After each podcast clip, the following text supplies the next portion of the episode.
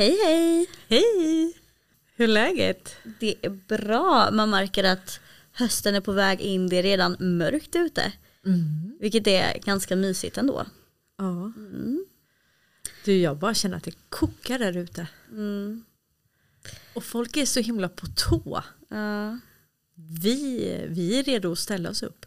Alltså det är ju en del som har lite känslor om att det kommer hända någonting nu till halloween. För ett år sedan, den 31 oktober, post 4946, så skriver Q så här. Are you ready to take back control of this country? Q. Och jag tror, jag tror att eh, jag tror att makten kommer gå tillbaka till folket. Vi har ju vunnit. Ja, alltså det är, nu är ju snart oktober slut. Men det känns ju som att det har hänt väldigt mycket Ja. under detta. Alltså inte bara som har kommit ut på nyheter. Utan också bakom stängda dörrar som inte vi vet om. ja, bakom kulisserna liksom. Ja precis för att vi får tänka på så här. Eh, vi säger till exempel skjutningar i Sverige. Ja men då kanske de publicerar inte ens 80% av hur många skjutningar det verkligen är i Sverige. Eller hur många dödsfall eller så.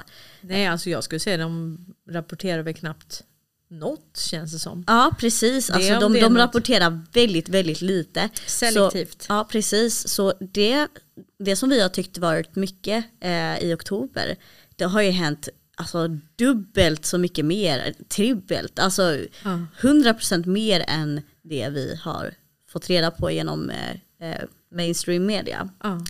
Vi kan ju då vara övertygade om att det har hänt fler saker bakom kulisserna Ja. Som kanske inte ens ska komma ut. Eh, Nej, vissa saker kommer ju inte att komma ut. nej, det kan ju bli för, för mycket också. Så, så, det blir, så det är ju därför också. Men du, eh, nu är det många vakna som pratar om det här eh, Marburg-viruset. Som ska ha en dödlighet mellan 50 till 88 procent. Jag drömde om att eh, min syster, eh, typ att det, det var någonting med skolan, att någon hade fått det och att, att hon var rädd att hon skulle dö och så. Att, eh, att, eh, Men kommer du ihåg, det här var ju början av pandemin. Då kom det ut så här, men det här är ett biologiskt vapen, alla kommer dö i corona liksom. Och jag menar, jag är helt övertygad om att hela tanken var ju att det skulle vara ett dödligt vapen. mm, Men nu när vi ser tillbaka, om vi säger att det är ett död, biologiskt vapen, mm, men då är det ganska ineffektivt om vi inte har någon överdödlighet. mm, Då är det inget bra vapen nej, om inte så många dör.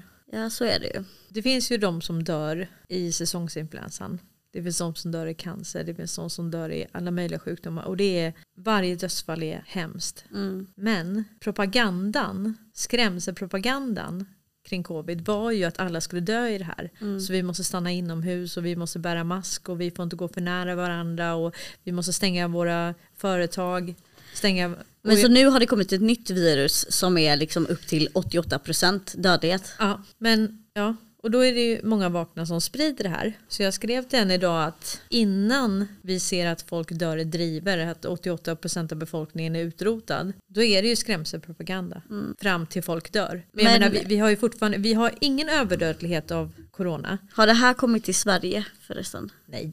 Nej. Men media kommer säkert spinna det ju. Ja. För att skrämma folk igen. Så, men vi kan ju inte eka vad media säger. Vi kan ju inte vara deras megafon. Eller? Då, Nej. då, då motverkar vi ju. Ja vi kan ju inte sprida deras liksom, eh, Budskap. Ja, För, för det här är ju WHO som har gått ut med det här viruset. Ja. Och jag menar, jag är helt övertygad om att alltså det som forskades på i Wuhan Mm. med corona och så.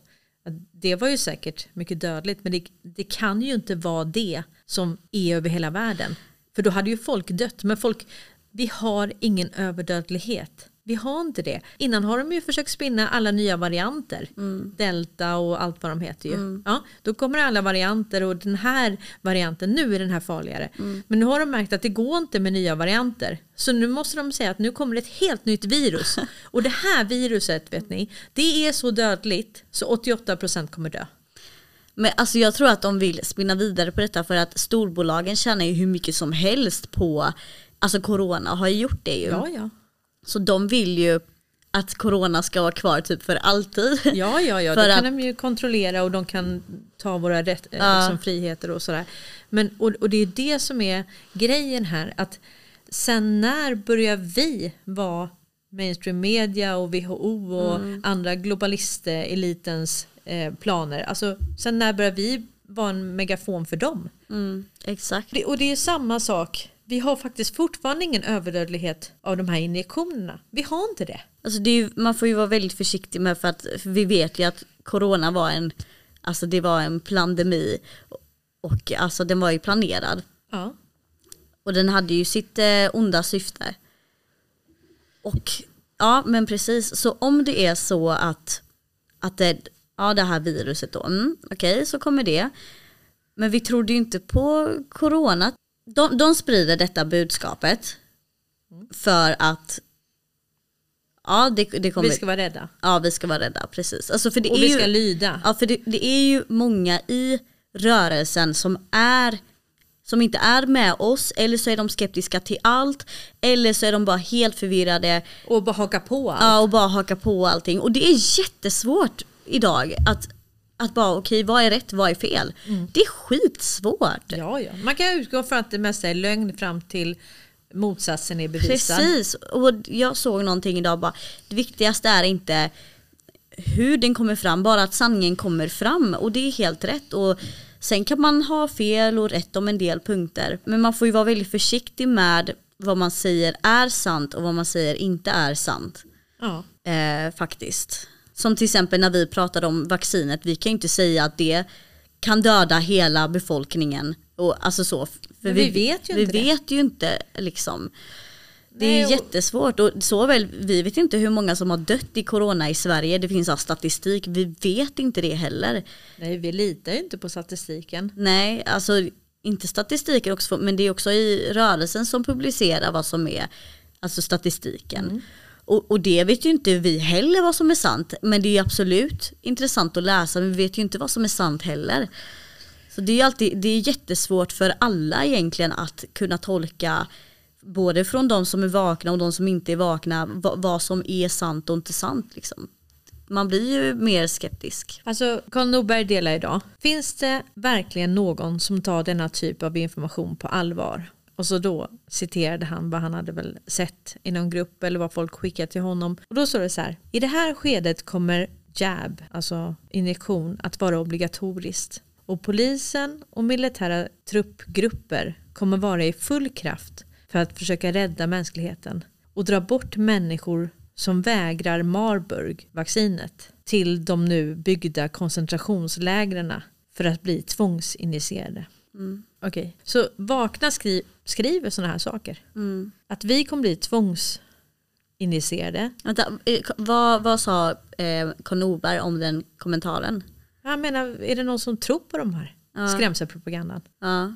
Varför delar folk det i vakenrörelsen? Alltså då står det här att vi kommer få ett vaccin mot Marburg och då kommer alltså vi kommer åka till koncentrationsläger och bli tvångsinitierade. Det här sprider vakna. Okej. Men, men när, när du läser det här, vad, vad känner du då? Jag känner ju direkt i hjärtat att det är liksom någonting som bara, man vill inte tro på det. Men Och- alltså det här är ju fruktan, de försöker sprida ja, fruktan. ja men det är precis det man Ja. känner ju.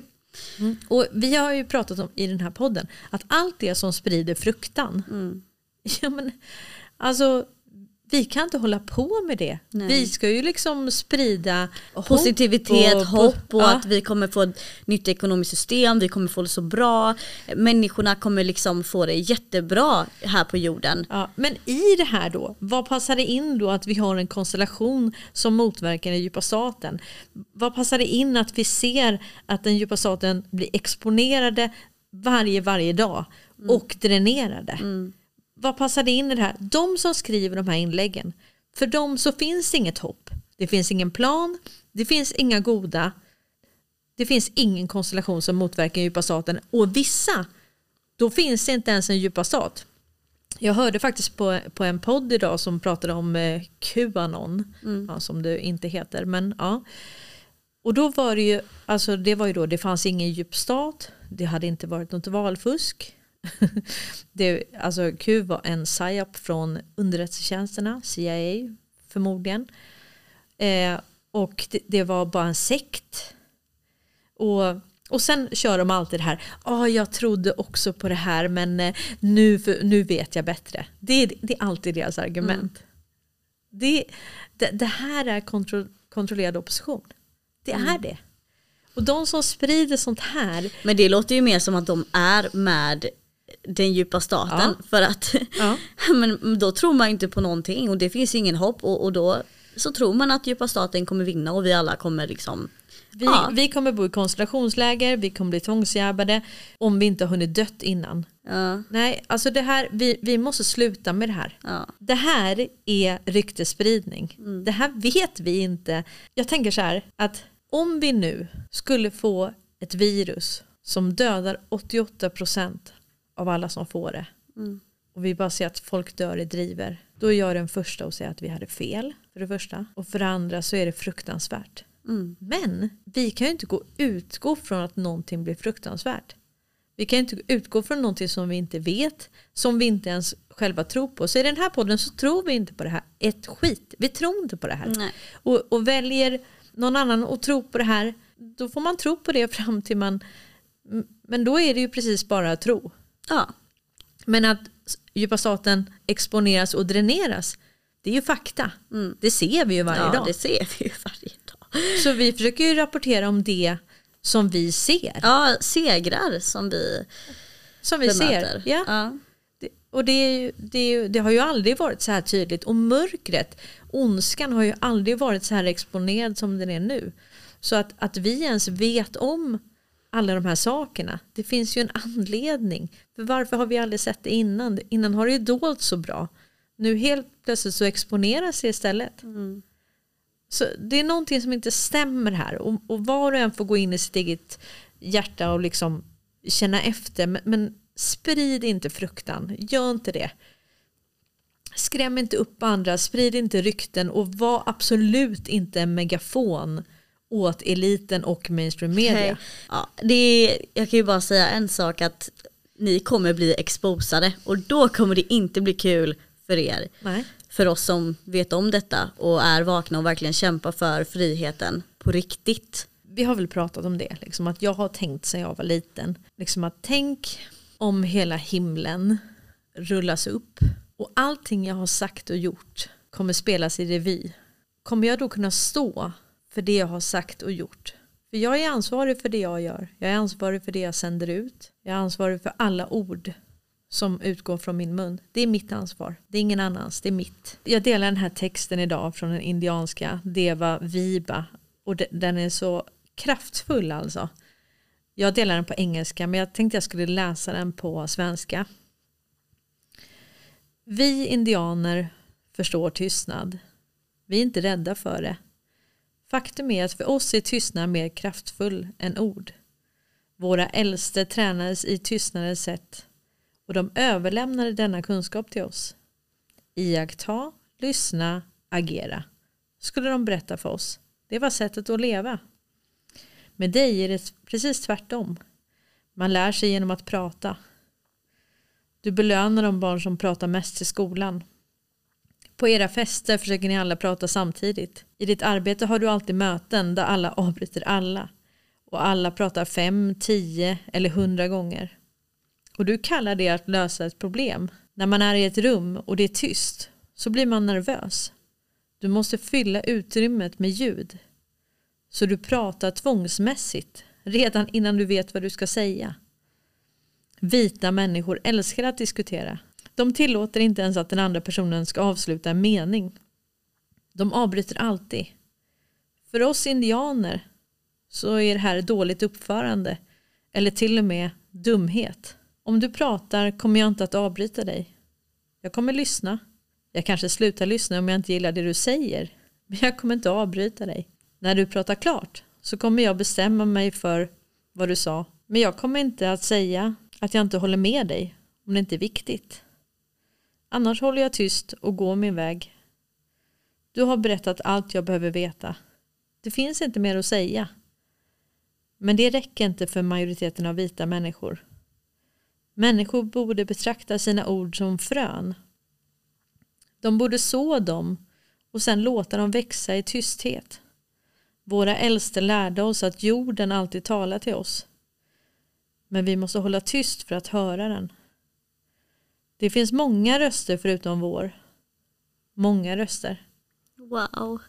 Det här påminner mig lite om Bushido. Mm, samurajerna. Ja, Samurajens väg. Mm. Alltså jag tror att det här, alltså det är kanske lite hårt att säga att det är vita som gör så här. Eller, men det här kommer ju från en, en indianska. Och det är ju så att det finns ju olika kulturer. Det finns kulturer som har mer visdom så att säga. De lär sig generationer. Mm. Men vi har på något vis tappat respekten för våra ord. Att våra ord gör verkan. Så är det ju verkligen. Mm. Eh, många svär väldigt mycket idag. Säger väldigt fula ord till varandra som att det är... Och Ja. pratar hela tiden. Ja. Pratar, pratar, pratar. Ja.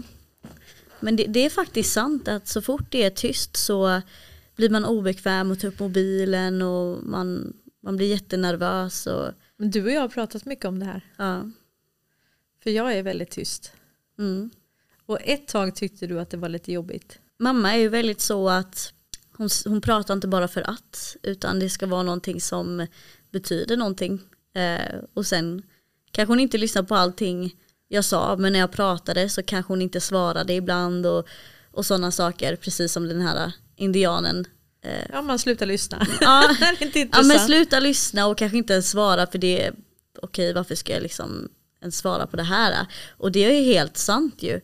Så ehm, ja då kände jag väl bara varför, varför pratar hon inte med mig? Nej, men du har till och med sagt till mig att ibland tycker du att det är jobbigt när det blir tyst. Och ni har ju aldrig fått liksom skrika på bussen eller skrika i affären utan det där löser man hemma. Man håller inte på att prata så inför folk liksom utan man ja, vissa saker ha- har man hemma liksom. Som till exempel när man är på hemmafester eller vad som helst så ehm, är man lite tyst ibland. Och ehm, det är, det, då kan ju en del tänka om en, att den här personen är osäker. Eller sur. Osäker, sur eller att man bara är blyg. Ja.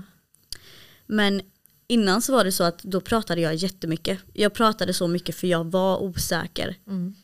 Eh, jag var en sån tjej som ville stå i centrum. Eh, jag pratade väldigt mycket, jag krävde väldigt mycket uppmärksamhet. det gör du fortfarande. Ja, nej men det ligger lite att ja, men man vill ju ha lite bekräftelse som människa liksom. Just det att jag, eh, ja, jag var inte den tystaste i klassen. Jag var väldigt högljudd och jag pratade konstant. Och det var en osäkerhet men nu har jag blivit väldigt väldigt eh, självsäker, har fått en bättre självkänsla och nu har jag blivit allt mer tystlåten, fundersam och mer komma in i min bubbla. Ja, du har äntligen hittat din bubbla. Mm. Så, och verkligen förstå det här med att ord har makt. Ja. Och att bara inte säga någonting bara för att. Och alltså om du är tyst och det bara tyder på att du är självsäker. Skulle jag säga. Ja. Jag själv är ansvarig för alla ord. Och tänk dig alla ord man har uttalat som man ångrar. Mm.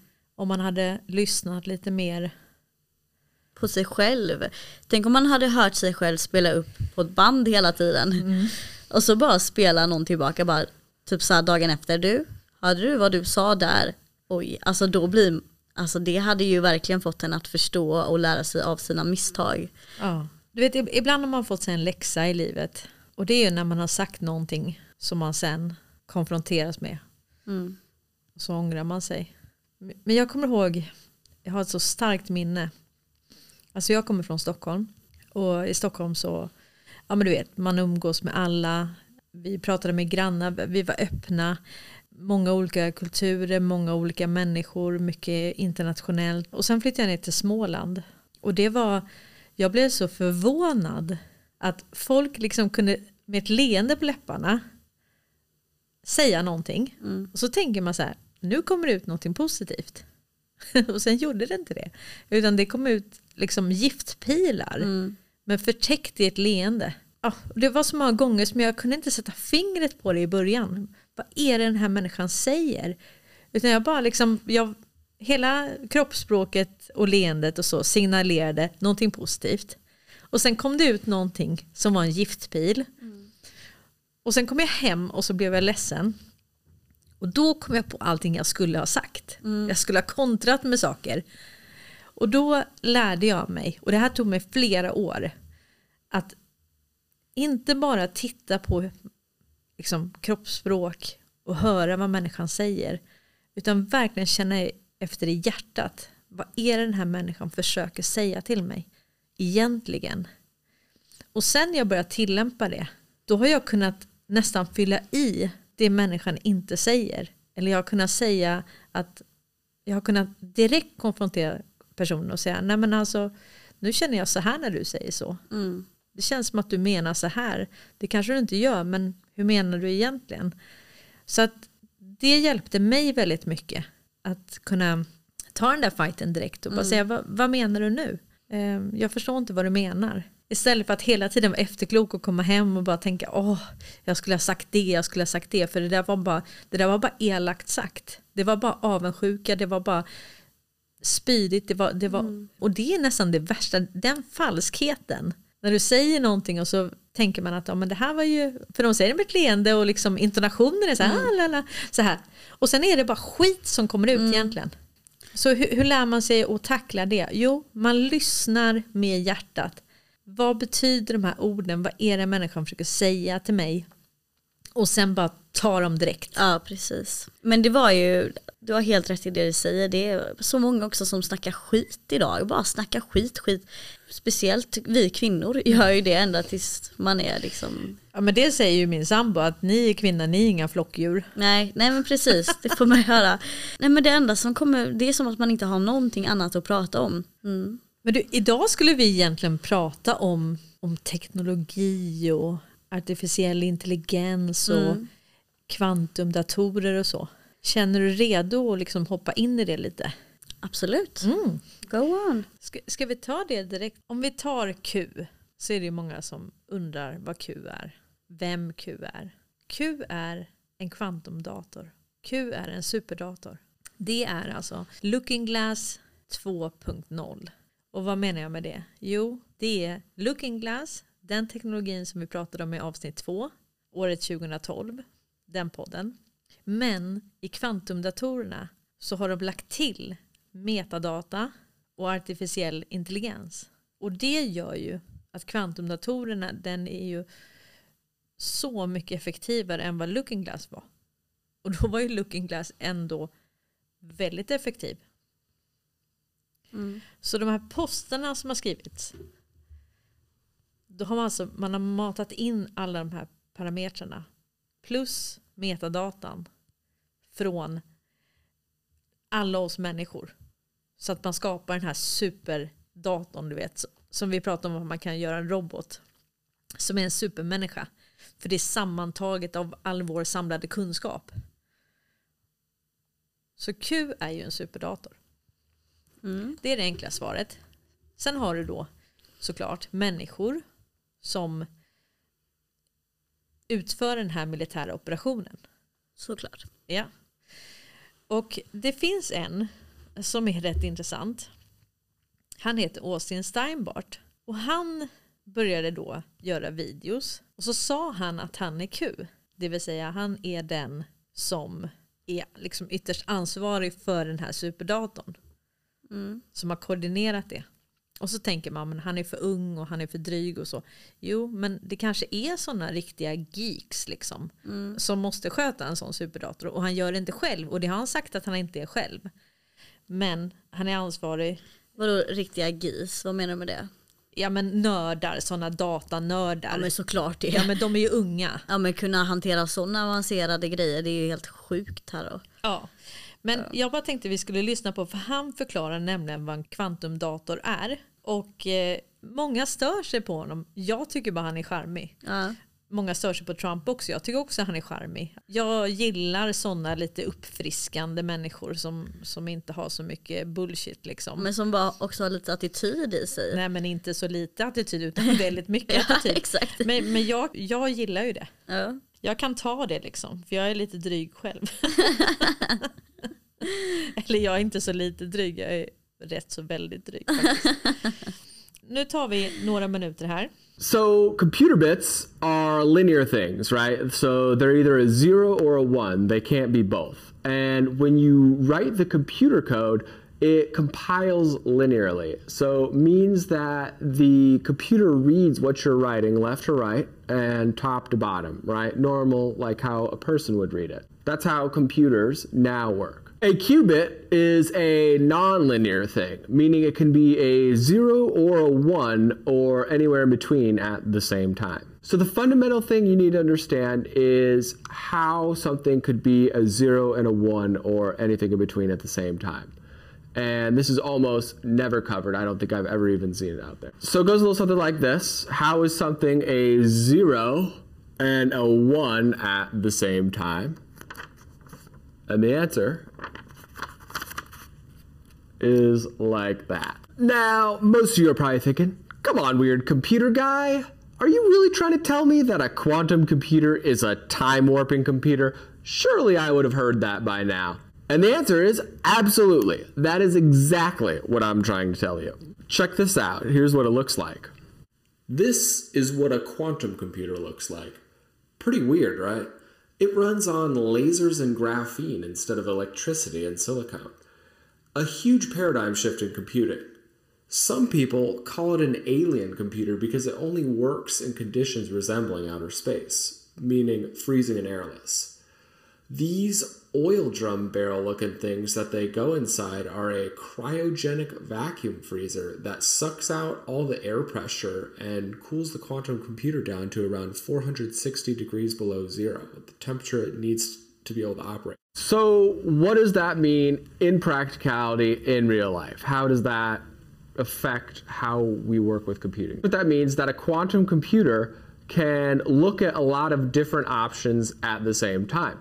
Uh, so a quantum computer can be in two to the number of qubits states at one time, right? So if it's a one qubit computer, it's two to the one power, right? Two states at once. If it's a two qubit computer, you could be in four at once. If it's a three qubit computer, you could be in eight at once, and so on and so forth down the line until you get to an unimaginably huge number. Google currently has a 72 qubit quantum computer, meaning they have a computer that can be in 2 to the 72nd power simultaneous states at one time. So, what that actually comes out to is 16 sextillion. Whoa! Now, a lot of you are probably thinking again, come on, weird computer guy, that's not a real number. You just made that up. A sextillion? Get out of here. But that's not true. I actually didn't make that number up. A sextillion is totally a real thing. It goes million, billion, trillion, quadrillion, quintillion, sextillion.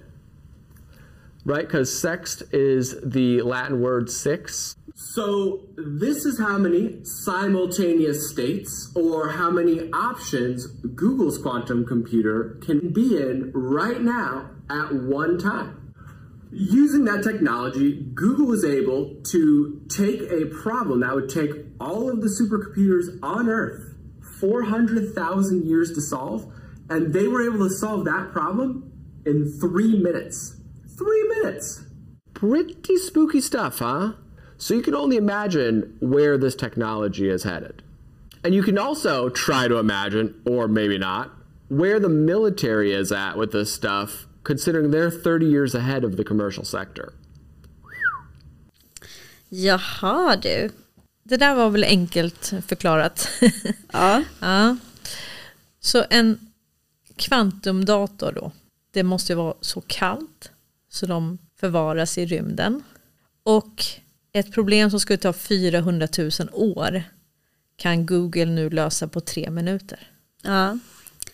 Så att, Tekniken har verkligen utvecklats kan man säga. Mm. Och då säger han att det är 72 qubits på Googles och att militären, amerikanska militären är 30 år före kommersiell sektor. Så först är det militärt hemligt, sen är det militärt och sen blir det kommersiellt. Och sen någonstans långt, långt, långt, långt där nere så kommer du och jag använda det. Så att det här med teknologi, det har ju kommit så otroligt långt. Eh, och du och jag har ju kommit till den punkten att vi vill ju bara slänga ut all teknologi. Ja, Nej, men, men alltså, det, tillbaka till naturen. Alltså. ja precis. Jag tror att det har blivit lite mycket också. Jag känner ju att jag får lite ont i ögonen ibland. Jag känner att jag blir tröttare när jag an Alltså man kollar ju både på datorn, man arbetar på datorn och sen är det tv och så är det mobilen. Eh, Man läser ju knappt böcker idag ens. Nej. Men nu har jag ju börjat läsa lite böcker för jag känner att jag får ont i ögonen. Ja, du har faktiskt. börjat pussla också. Du har köpt ett pussel. Nej. Nej men det var så här, vi köpte ju ett pussel och så Mm. tänkte jag men då ska de ta med det till stugan. Men så bara började jag pussla, jag har inte pusslat på typ 10 år. Jag kunde inte sluta alltså. Nej. Så jag satt uppe hela natten, jag kunde inte sluta pussla och sen pusslade jag klart det på ja, 500 bitar. Ja. ja. Men det saknas en bit. ja, det gör det och det var, då var det ju skitsamma att ens eh, pussla. Om det saknas en bit tänkte jag. Drygt. Alltså Wallenberg har ju en förkärlek till artificiell intelligens. Mm. Och eh, han eh, pluggade i Palo Alto i USA. Så han kom i kontakt med det 1977. Då föddes ju jag. Ja. Ja. Om du tänker att du både har pengar och kunskap och en agenda. Jag undrar hur långt det här AI har kommit egentligen. De säger att du, du vet inte om du pratar med en dator eller med en människa bakom skärmen. Mm. Så hur vet du det? Och sen är det ju lite intressant Vad, vad menar du då? I, I samtal eller alltså? när du skriver på nätet. Ja, Du ja. vet inte om du pratar med en bot. En rysk bot.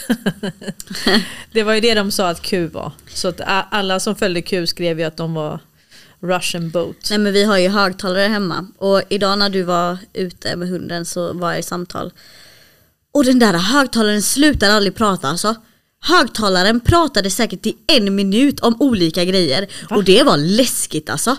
Den, s- Sa du inte till på att vara tyst? nej men jag fick ju stänga av ljudet för att alltså det var ju Alltså slutade aldrig prata och jag har aldrig varit med om något liknande. Jo, det var ju för ett tag sedan du vet, när vi pratade om, om någonting. Då börjar ju, det är ju flera gånger som de här högtalarna pratar med oss ju. Är ju... Men då brukar de, då brukar de säga, ja men du kan ändra smeknamnet typ, i Ja. det här. Men nu så, alltså om du till exempel pratar om smeknamn, då börjar Google, den där, de där eh, högtalarna prata om, om du kan ändra smeknamn i det här. Så de hör hela tiden vad vi säger, vilket är ganska läskigt.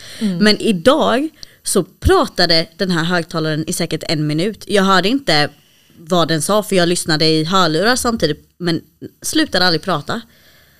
Så det var lite läskigt. Ja, det förstår jag.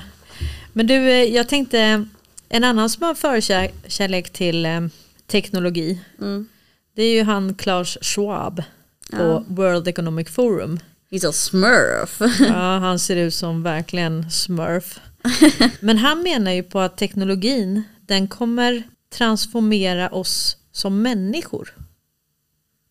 Det menar han på. Han säger så här, se om vi kan förstå vad han säger. The fourth industrial revolution will impact our lives completely. It will not only change how we communicate, how we produce, how we consume, it will change actually us, our own identity. And of course, gives life uh, to such uh, policies and uh, developments like uh, smart traffic, smart government, smart cities.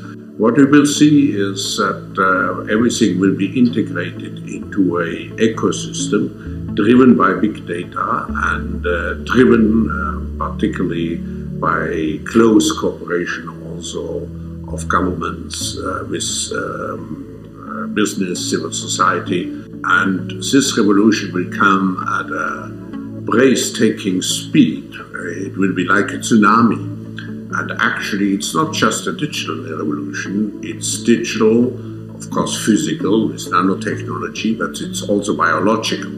And so three dimension provides a particular force to this revolution. So, what the World Economic Forum is doing is to promote uh, this public private cooperation to master the fourth industrial revolution.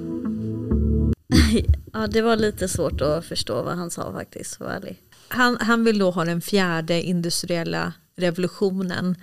Och han menar ju då på att vi kommer egentligen Vi kommer bli en dator, vi kommer bli ett med datorn, det kommer ändra vår fysiologi. Det är hans mål, att allting ska vara integrerat. Smart, smart, smart. Du hörde smarta städer, smart. Ja. Mm. Och det ska låta så smart och bra och lyxigt ut. ja. Men ehm, Men du, apropå smart, du vet Twitter. Om jag sparar en bild från Twitter, då hamnar det i en egen mapp bland mina bilder. Alltså ett eget album som heter Twitter. Hur smart är inte det? Hur vet den att jag plockade ner den från Twitter? Jo men det vet telefonen. För den lägger den i den mappen. Är inte det konstigt? Kommer du ihåg när vi ringde till min sambo och han pratade med sig själv? han blev så arg. alltså det var ju så här, han hade då ringt till eh, eh, din, min minsta då, din lilla syster. Mm. Och så hade det brutit så han liksom pratade, pratade in på hennes telefonsvarare så här, hör du mig, hör du mig, hör du mig? Ja. ja. Och sen, nej så här var det. Hallå, hör du mig? Ja, jag hör dig. Hör du mig? Hallå? ja. Så då när vi satt i bilen så spelade vi upp det här röstmeddelandet när han, han svarade. Och då så svarade han bara, han bara ja jag hör dig. Och sen så andra, hör du mig? Ja jag hör dig. Och sen så bara, så, så hör man han säga, vad håller du på med? Och det var så kul för han pratade ju med sig själv på Ja. röstbrevlådan. Men, och sen när han insåg det, när vi, vi gapskrattade ju då, ja exakt. han blev så arg. Ja. så man kan Men det är bara, alltså hur kunde han ens tro att det var min lilla systers röst? Alltså det var, hur kunde han? Och han bara, jag förstod att det var det, men det gjorde han inte. Han pratade med sig själv hur länge som helst. Alltså, och vi, vi skulle då hålla oss. Ja. Det gick inte alls bra. Ah. Visst, teknologi kan ju absolut vara bra, men det kan ju också vara farligt. Och någon som har eh, varnat för det, det är faktiskt Elon Musk. Alltså Elon Musk gör ju ett gigantiskt jobb för det här folkbildningsprojektet. Alltså du vet, han säger det här att han har hjärnan, att det, eh, teknologi, vi kommer gå in på det också. Men frågan är om han egentligen har det. Jag tror att han sysslar med folkbildning. För å andra sidan så varnar han ju, han är den enda som riktigt går ut och varnar för detta. Vi ska höra vad han säger här. the numbers were extremely obvious. If you had a seatbelt on, you would be far less likely to die or be seriously injured. It was unequivocal. And the industry fought this for years successfully. Eventually, after many, many people died, regulators insisted on seatbelts. This is a this time frame is not relevant to AI. You can't take 10 years from the point at which it's dangerous. It's too late. I, I'm not normally an advocate of regulation and oversight. I mean, I think it, one should generally err on the side of minimizing those things. But this is a case where you have a very serious danger to the public. And therefore, there needs to be a public body that um, has insight and then oversight on to confirm that everyone is uh, developing AI safely. Um, this is extremely important. Um, I think the danger of AI is much greater than the, the, the danger of nuclear warheads by a lot. Um, and nobody would suggest that we allow anyone to just build nuclear warheads if they want. That, that would be insane. So why do we have no regulatory oversight? This is insane. And the intent with OpenAI is to democratize AI power. Um, there's a quote that I love uh, from uh, Lord Acton. He was the guy that came up with power corrupts and absolute power corrupts absolutely, um, which is that uh, freedom consists of the distribution of power and despotism in its concentration. And so I think it's important if we have this incredible power of AI that it not be concentrated in the hands of a few and potentially lead to a world that we don't want. I'm not really all that worried about the short-term stuff. The things that are, um, not, like narrow AI is not a species-level risk. Um, it, it, it, will, it will result in dislocation, uh, in lost jobs, and um, you know that sort of better weaponry and that kind of thing. But it is not a fundamental species level risk, uh, whereas uh, digital superintelligence is. Uh, so it's really all about laying the groundwork to make sure that if, if humanity collectively decides that creating digital superintelligence is the right move, then we should do so very, very carefully. Um, very, very carefully. Han vet ju vad han pratar om. Att om du tar alltså supercomputing så kan det här bli om du har ett fåtal som har makten över det här då kan det innebära ett alltså nu, som nu, redan nu så är det ett hot för jobb. Mm. Ja, en superdator kan ju såklart göra jobbet mycket snabbare än alla människor i världen. Eh, och du har robotar som gör saker och så. Jag ska bara säga en sak där. Att om man går in på Ikea eller H&M eller så idag. Så måste man ju stå i. Alltså Självscanning. själv. Ja. Och, och vet ni så lång tid det tar. Det här kommer ersätta många jobb. Men det här kan ju bli ett hot. Ja, alltså kommer de fram med det här i den takten som de gör nu. Då kan det bli riktigt farligt. Och, och det de vill åt. Du vet Ericsson gjorde ju en reklamfilm om det här. Att vi skulle ha, de var tvungna att ta ner den här reklamfilmen, Ericsson, för att de fick så mycket kritik. Då var det ju att du skulle ha sensorer i hela kroppen. Så smarta sjukvården, då skulle det vara att du har sensorer i hela kroppen. Vilket innebär att de sensorerna skulle känna om du var sjuk eller om någon annan var sjuk eh, som du mötte. Eh, och det, de fick ju sånt backlash på det. Folk gillar inte det alls. Nej. Så jag tror att vi har blivit eh, Det har gått en tid där vi har bara ah, Man har omfamnat eh, Ny teknologi Och nu har man kommit till en punkt där man bara Men oj Alltså vad kan det här leda till? Mm. Ja men det tror jag verkligen. Här är det en, en video om eh, med implantat i hjärnan För att kunna läsa våra tankar Ja, det är läskigt. Frågan är om de redan kan läsa våra tankar Det har ju vi pratat om Absolut, det tror jag verkligen. is a neuron, the most common cell in the human brain. An average adult human brain has about 100 billion neurons, each intrinsically firing, passing on key vital information to thousands of other neurons it is connected to. These neurons that fire an average about 200 times every second are responsible for running the most amazing three pound organ called brain. And Elon Musk wants to improve it. Well, to be honest, not just improve it, but merge it with artificial intelligence via implants that is connected to your brain, creating a whole brain interface that would be seamlessly connected to the cloud. Whoa, hold on a sec. Does the future include flashing ads directly into my brain? Would I be streaming Netflix directly into my brain without actually watching it? Well, not quite. At least what I could interpret from Elon's Neuralink event last year. So, what is Neuralink?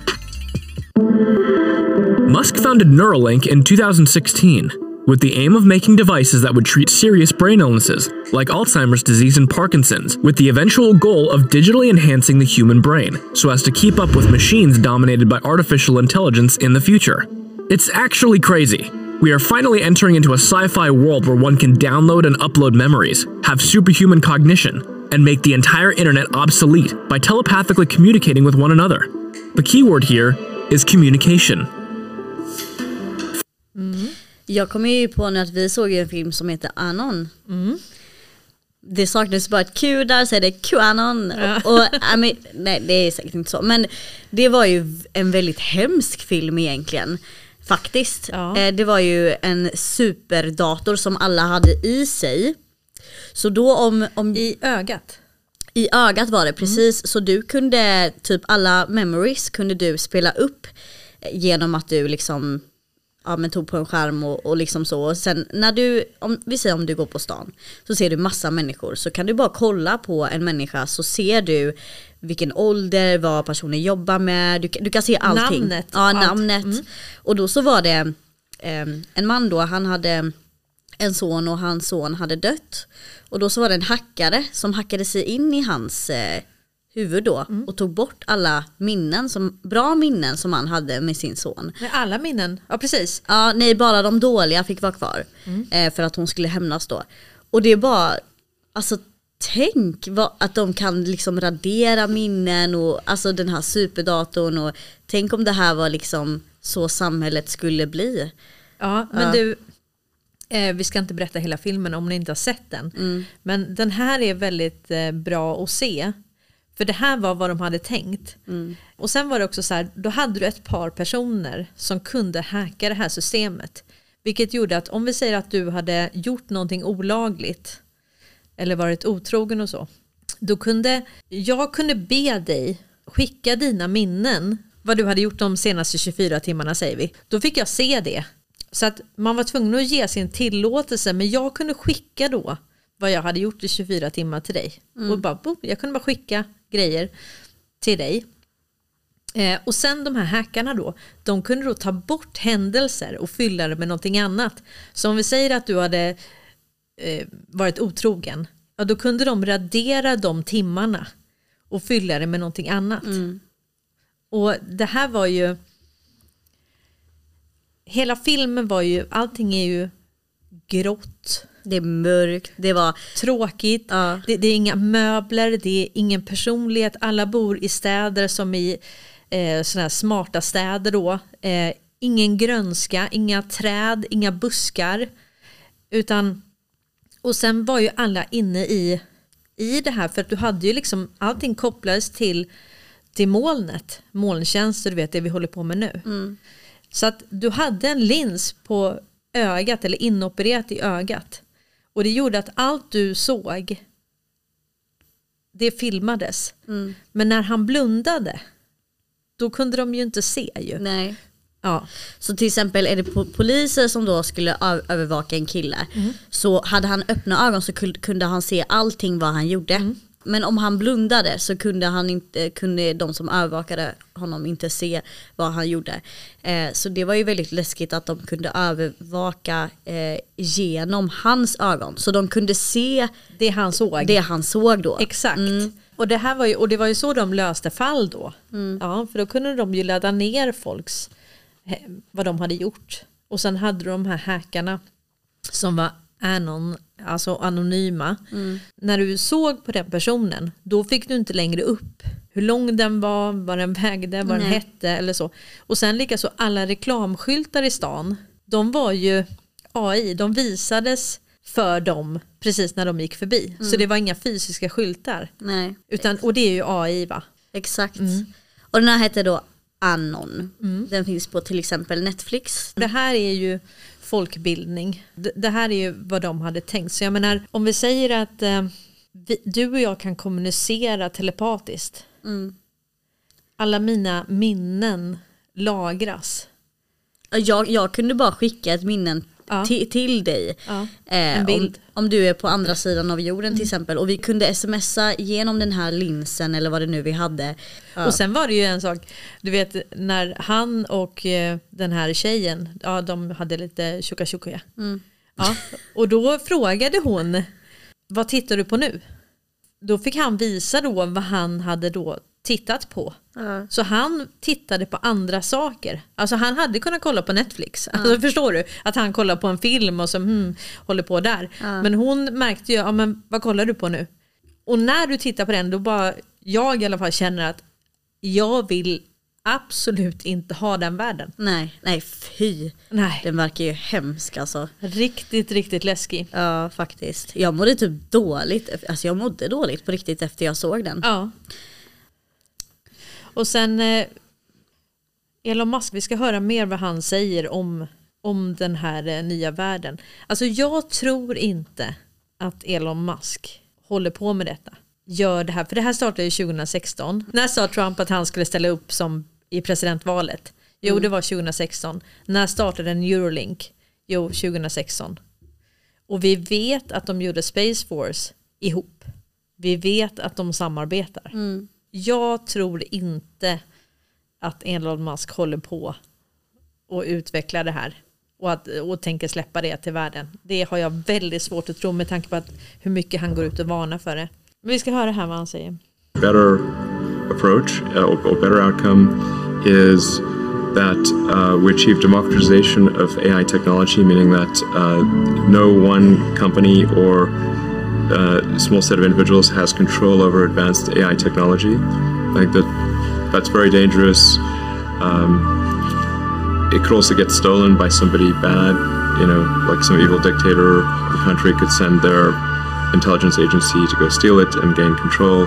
It just becomes a very unstable situation. I think if you've got any um, any incredibly powerful AI, um, you just don't know who's who's going to control that. So it's not as though I think that the risk is that the AI would develop a will of its own right off the bat. I think it's more that's uh, the concern is that some someone um, may use it in a way that is bad. Um, or, or, and even if they weren't going to use it in a way that's bad, that somebody could take it from them and use it in a way that's bad. That, that I think is quite a big danger. We are, all of us already are cyborgs.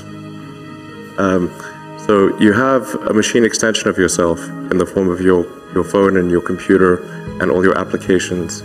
You are already superhuman. But by far, you have more, more power, more capability than the President of the United States had you know, 30 years ago.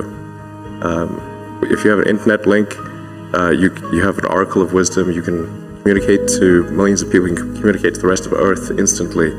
Um, I mean, these are magical powers uh, that didn't exist not that long ago. So everyone is already superhuman. I think it's the singularity is probably the right word because we just don't know what's going to happen um, once uh, there's intelligence substantially greater than that of a human brain. I mean, most of the movies and TV featuring AI, they don't describe it in quite the way it's likely to actually take place. But I think you just have to consider, like, even in the benign scenario where um, AI, if AI is much smarter than a person, um, what, what do we do? Yeah. What what is that? what job do we have? I I have to say that when you know when, when, when something is a, a danger to the public, then the, there needs to be some government agency, like regulators. The, the fact is, like we've got regulators in um, you know the aircraft industry, car industry, uh, with drugs, food, um, you know, anything that's sort of a public risk. Um, I mean, I think this has to fall into the category of a public risk. Usually it'll be something, some new technology. It will cause damage or death. There will be an outcry. There will be an investigation. Years will pass. There will be some sort of insight committee. There will be rulemaking. Then there will be oversight, eventually regulations. This all takes many years. Så han går ju verkligen ut och varnar för detta. Alltså vad gör vi när AI är smartare än människor? Exakt. De är redan i- det idag tror jag. Ja, Men, ja, men han, han folkbildar, är du med? Han försöker få oss att förstå, för vi är inte inne i den här världen. Nej. Vi använder vår iPhone eller vår smartphone och tänker att ja, men det här är ju smidigt och så. Mm. Men han har också gått ut och varnat för sociala medier. Han säger det, det enda han har kvar själv det är Twitter för han vill ändå få en plattform och kunna skriva vad han tänker. Ja exakt. Men han menar på det att Instagram speciellt lägger alltid upp en bild i, i rätt ljussättning, i rätt läge. I den, det läget där du ser bäst ut. Och du lägger upp glada bilder. Och då kanske man får ett intryck av att ah, den här människan är så lycklig. Men det här kanske är den mest ledsna människan som finns egentligen. Ja men så är det ju. Och då får du en fel bild av andra människor.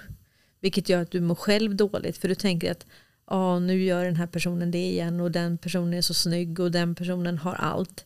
Och jag har ingenting.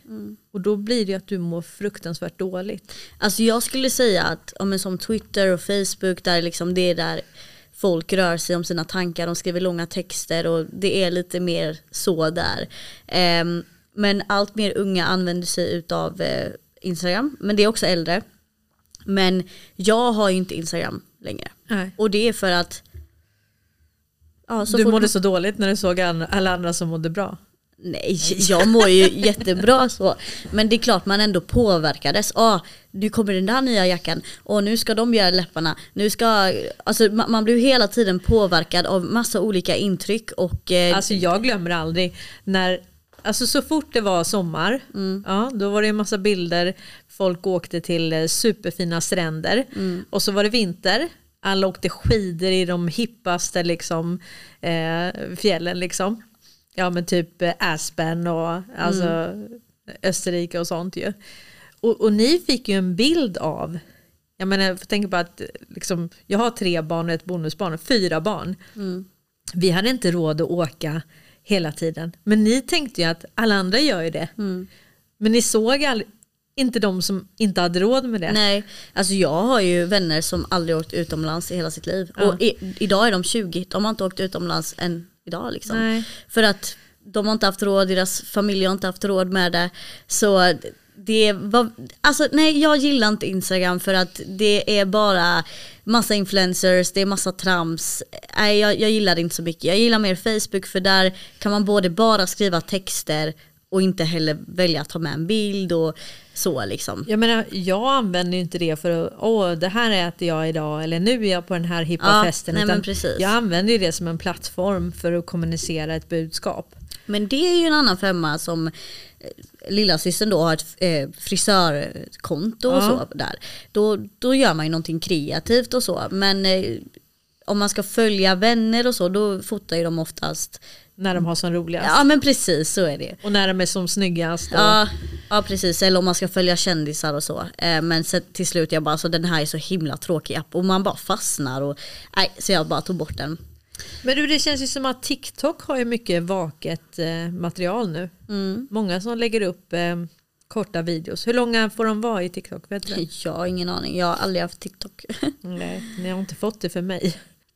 Jag tror att den här, det har blivit en tid för eftertanke. Om, om vi säger så här, vad skulle AI kunna göra som är farligt? Ja, det skulle kunna vara en dator. som styr våra tankar. Så om du, får, om du styrs av AI, hur vet du då vad som är dina egna tankar? Exakt. Om det kan ge impulser till din hjärna, läsa dina tankar men också plantera nya tankar i din hjärna. Hur skulle man kunna använda det för någonting som är ont? Ja, du kan använda det till att få människor att bråka med varandra, skada varandra, skjuta varandra. Ja, men, men också till exempel som dagens musik. Ja. Eh, till exempel han Einar som dog. Ja men så hyllas han för det. Och jag menar, ska man verkligen lyssna på sån här musik för att eh, alltså ord väcker ju tankar Ja. och tankar väcker ju handlingar Ja, och känslor. och känslor och allting sånt. Så vi har ju, jag vet inte, vi kanske har pratat det där med hertz. Att kändisar idag använder sig av väldigt hög hertz och det leder till att vi får, vi, vi mår inte bra och det finns många olika grejer som gör att vi, många är deprimerade idag. Men det är för det, lyssnar ni på en vi säger Rihannas låt och hon sjunger om att hon har ett brustet hjärta. Då blir du ledsen när du lyssnar på den. Du ja, blir och det inte kanske glad. är undermedvetet också. Exakt. Så att egentligen kanske du känner att jag mår inte bra av den här. Mm. Så att jag tror vi, vi påverkas mer än vad vi tror av, som du säger, hertz av vad vi matar oss med, vilka tankar Mm. som föds i oss, vad, vad vi ser. Så om vi säger att det bara är skrämsel, skrämsel, fruktan, fruktan Ja. på nyheterna. Ja men vi mår ju inte bra av det. För att de, eh, de böckerna du läser, de människorna du pratar med, det du säger, den musiken du lyssnar på och det du gör till din vardag, det formar liksom vem du är som människa. Som till exempel när jag var yngre, du vet ungdomar, de lyssnar på dubstep-musik, alltså jag är uppvuxen i Malmö så man har ju hängt med alla möjliga människor ju. Ja. Allt från dubstep-musik till ortenmusik till, alltså allt möjligt. Men när, om jag går på en hemmafest idag och bara hör, alltså jag får ju ont i huvudet. Ja. För jag lyssnar inte på sån musik. Jag väljer istället att lyssna på sån musik som kan ge mig någon nytta, som gör mig glad och som bara sprider positivitet. Och det är inte så här äh, jobbiga låtar som dubstep-låtar, du vet så här typ Skrillex och så. Utan det, så, så det formar ju vem jag är och de böckerna och de människorna som jag hänger med formar ju vem jag är. Det sägs ju att det finns frekvenser i musik som kan hela hela kroppen. Ja det är den där hertzen man pratar Ja. om då ja. Mm. Och det är ju sån gammal, gammal kunskap. Mm. Alltså jag har hört att kyrktorn, kyrkklockor och så, de spelade i en viss hertz. Och det helade människor. Ja, men det är så intressant vad man kan göra med teknik. Eh, väldigt, väldigt intressant samtalsämne. Ja och sen det sägs ju det här du vet att om du spelar musiken baklänges så är det en massa dolda budskap. Och att hjärnan uppfattar det fast du gör inte det. Exakt. Så vi är ju så otroligt komplexa varelser. Så lite som det här du vet, du är vad du äter. Så blir det ju lite att du är vad du konsumerar i form av media, musik, relationer, dina tankar. Och det är precis som att den här eliten, vad de ville komma åt, det var våra tankar. Eh, Jag, jag kan ju bara säga, så fort jag liksom rensade mina vänner och lyssnade bara på positiv musik så alltså jag är aldrig ledsen typ. Nej. Nej, innan man, när man gjorde det då var man lite, åh du vet man fick sådana tankar men nej nu är det inte så.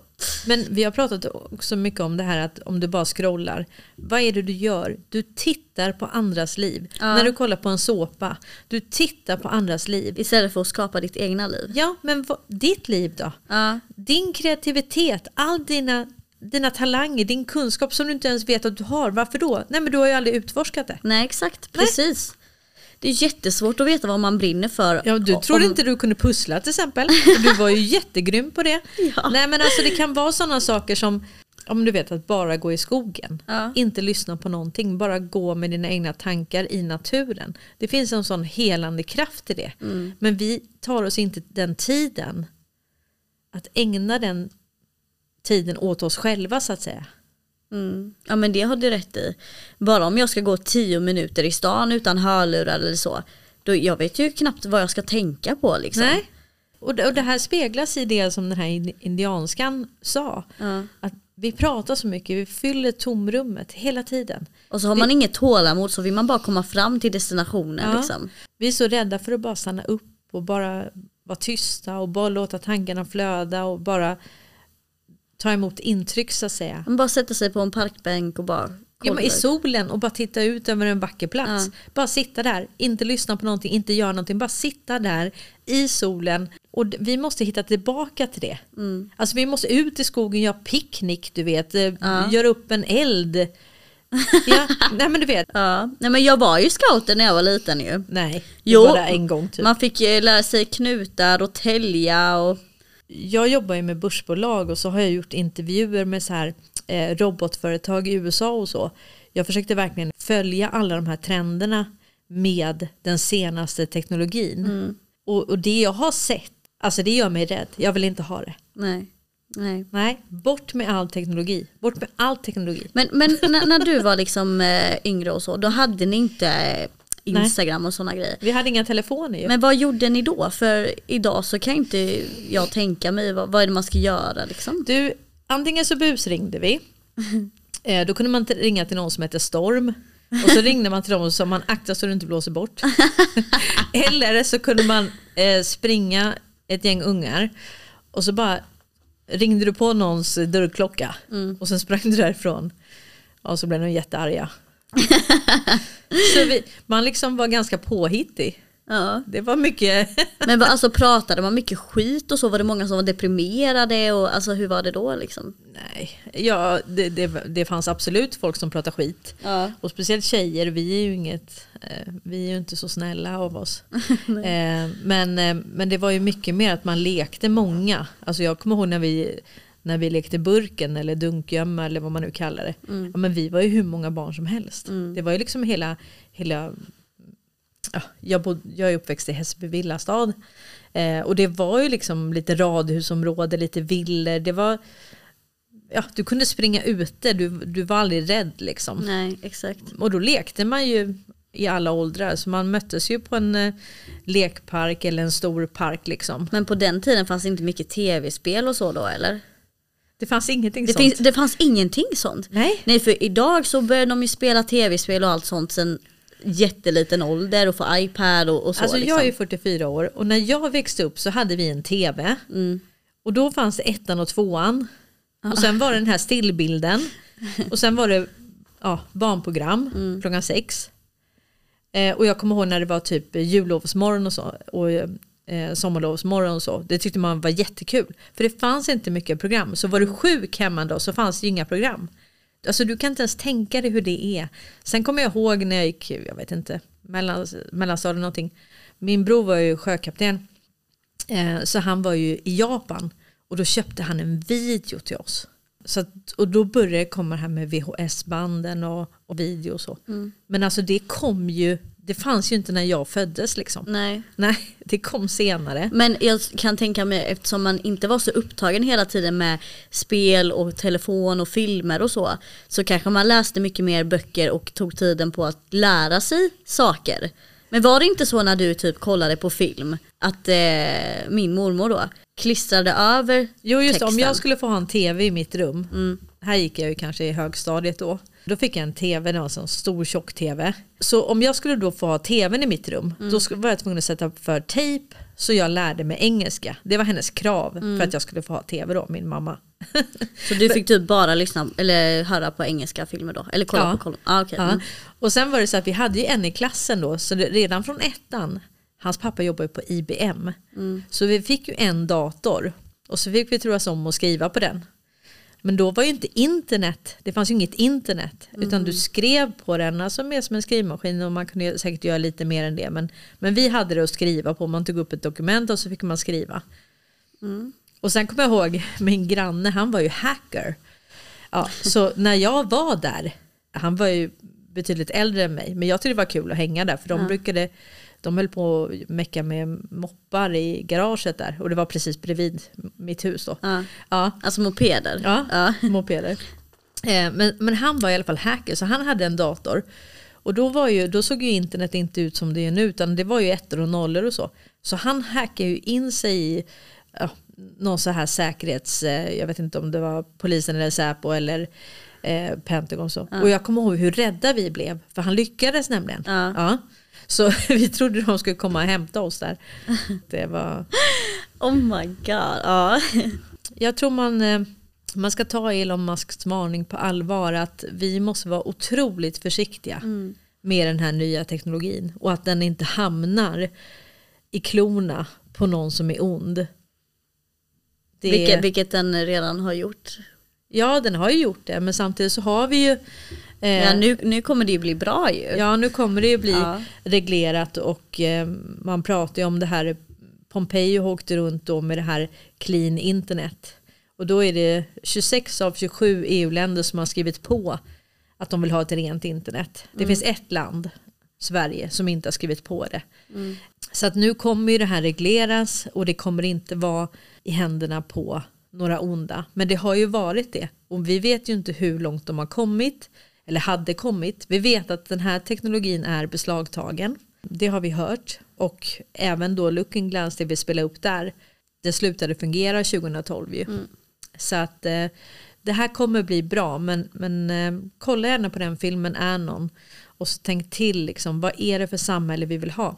Och Matrix. Ja. Det, den kan ni också kolla på. Eh, In det, the Matrix. det finns olika eh, delar. Du fattade ju Nej, nästan jag, jag tyckte den var, nej jag vill inte kolla på den mer.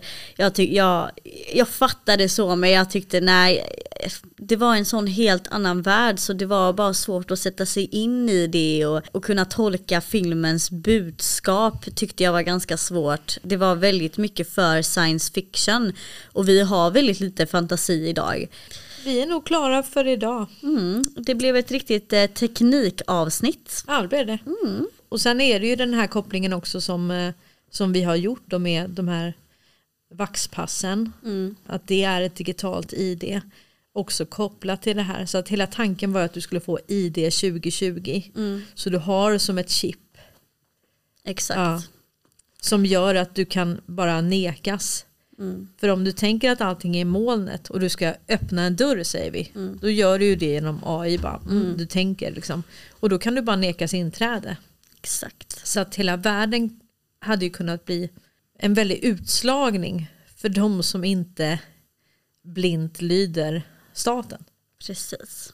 Ja, men så om man tänker på de här vaxpassen, det är ju då ett digitalt ID. Det som Gates har utvecklat då, ID 2020. Och hela tanken med det ID-kortet är ju att det är kopplat då till Kinas social scoring system, vilket gör att du kan ju bara nekas inträde till en byggnad, nekas att köpa flygbiljetter. Så om allting är digitalt, dina pengar är digitala, allting är digitalt, då kan du ju bara nekas inträde, nekas liksom access till, till dina egna pengar. Mm.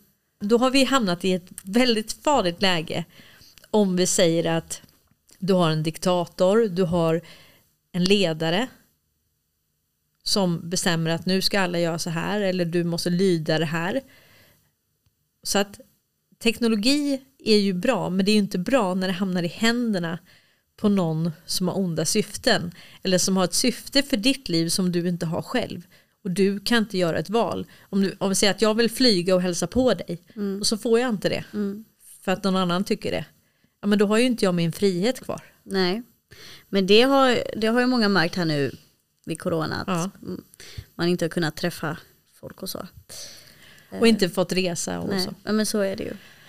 Ja men du, spännande avsnitt Essie. Ja, verkligen. Ni får ha det så jättebra. Ha det gott allihopa. Jag önskar er en trevlig helg. Ja, trevlig helg. Hej hej. Hej hej!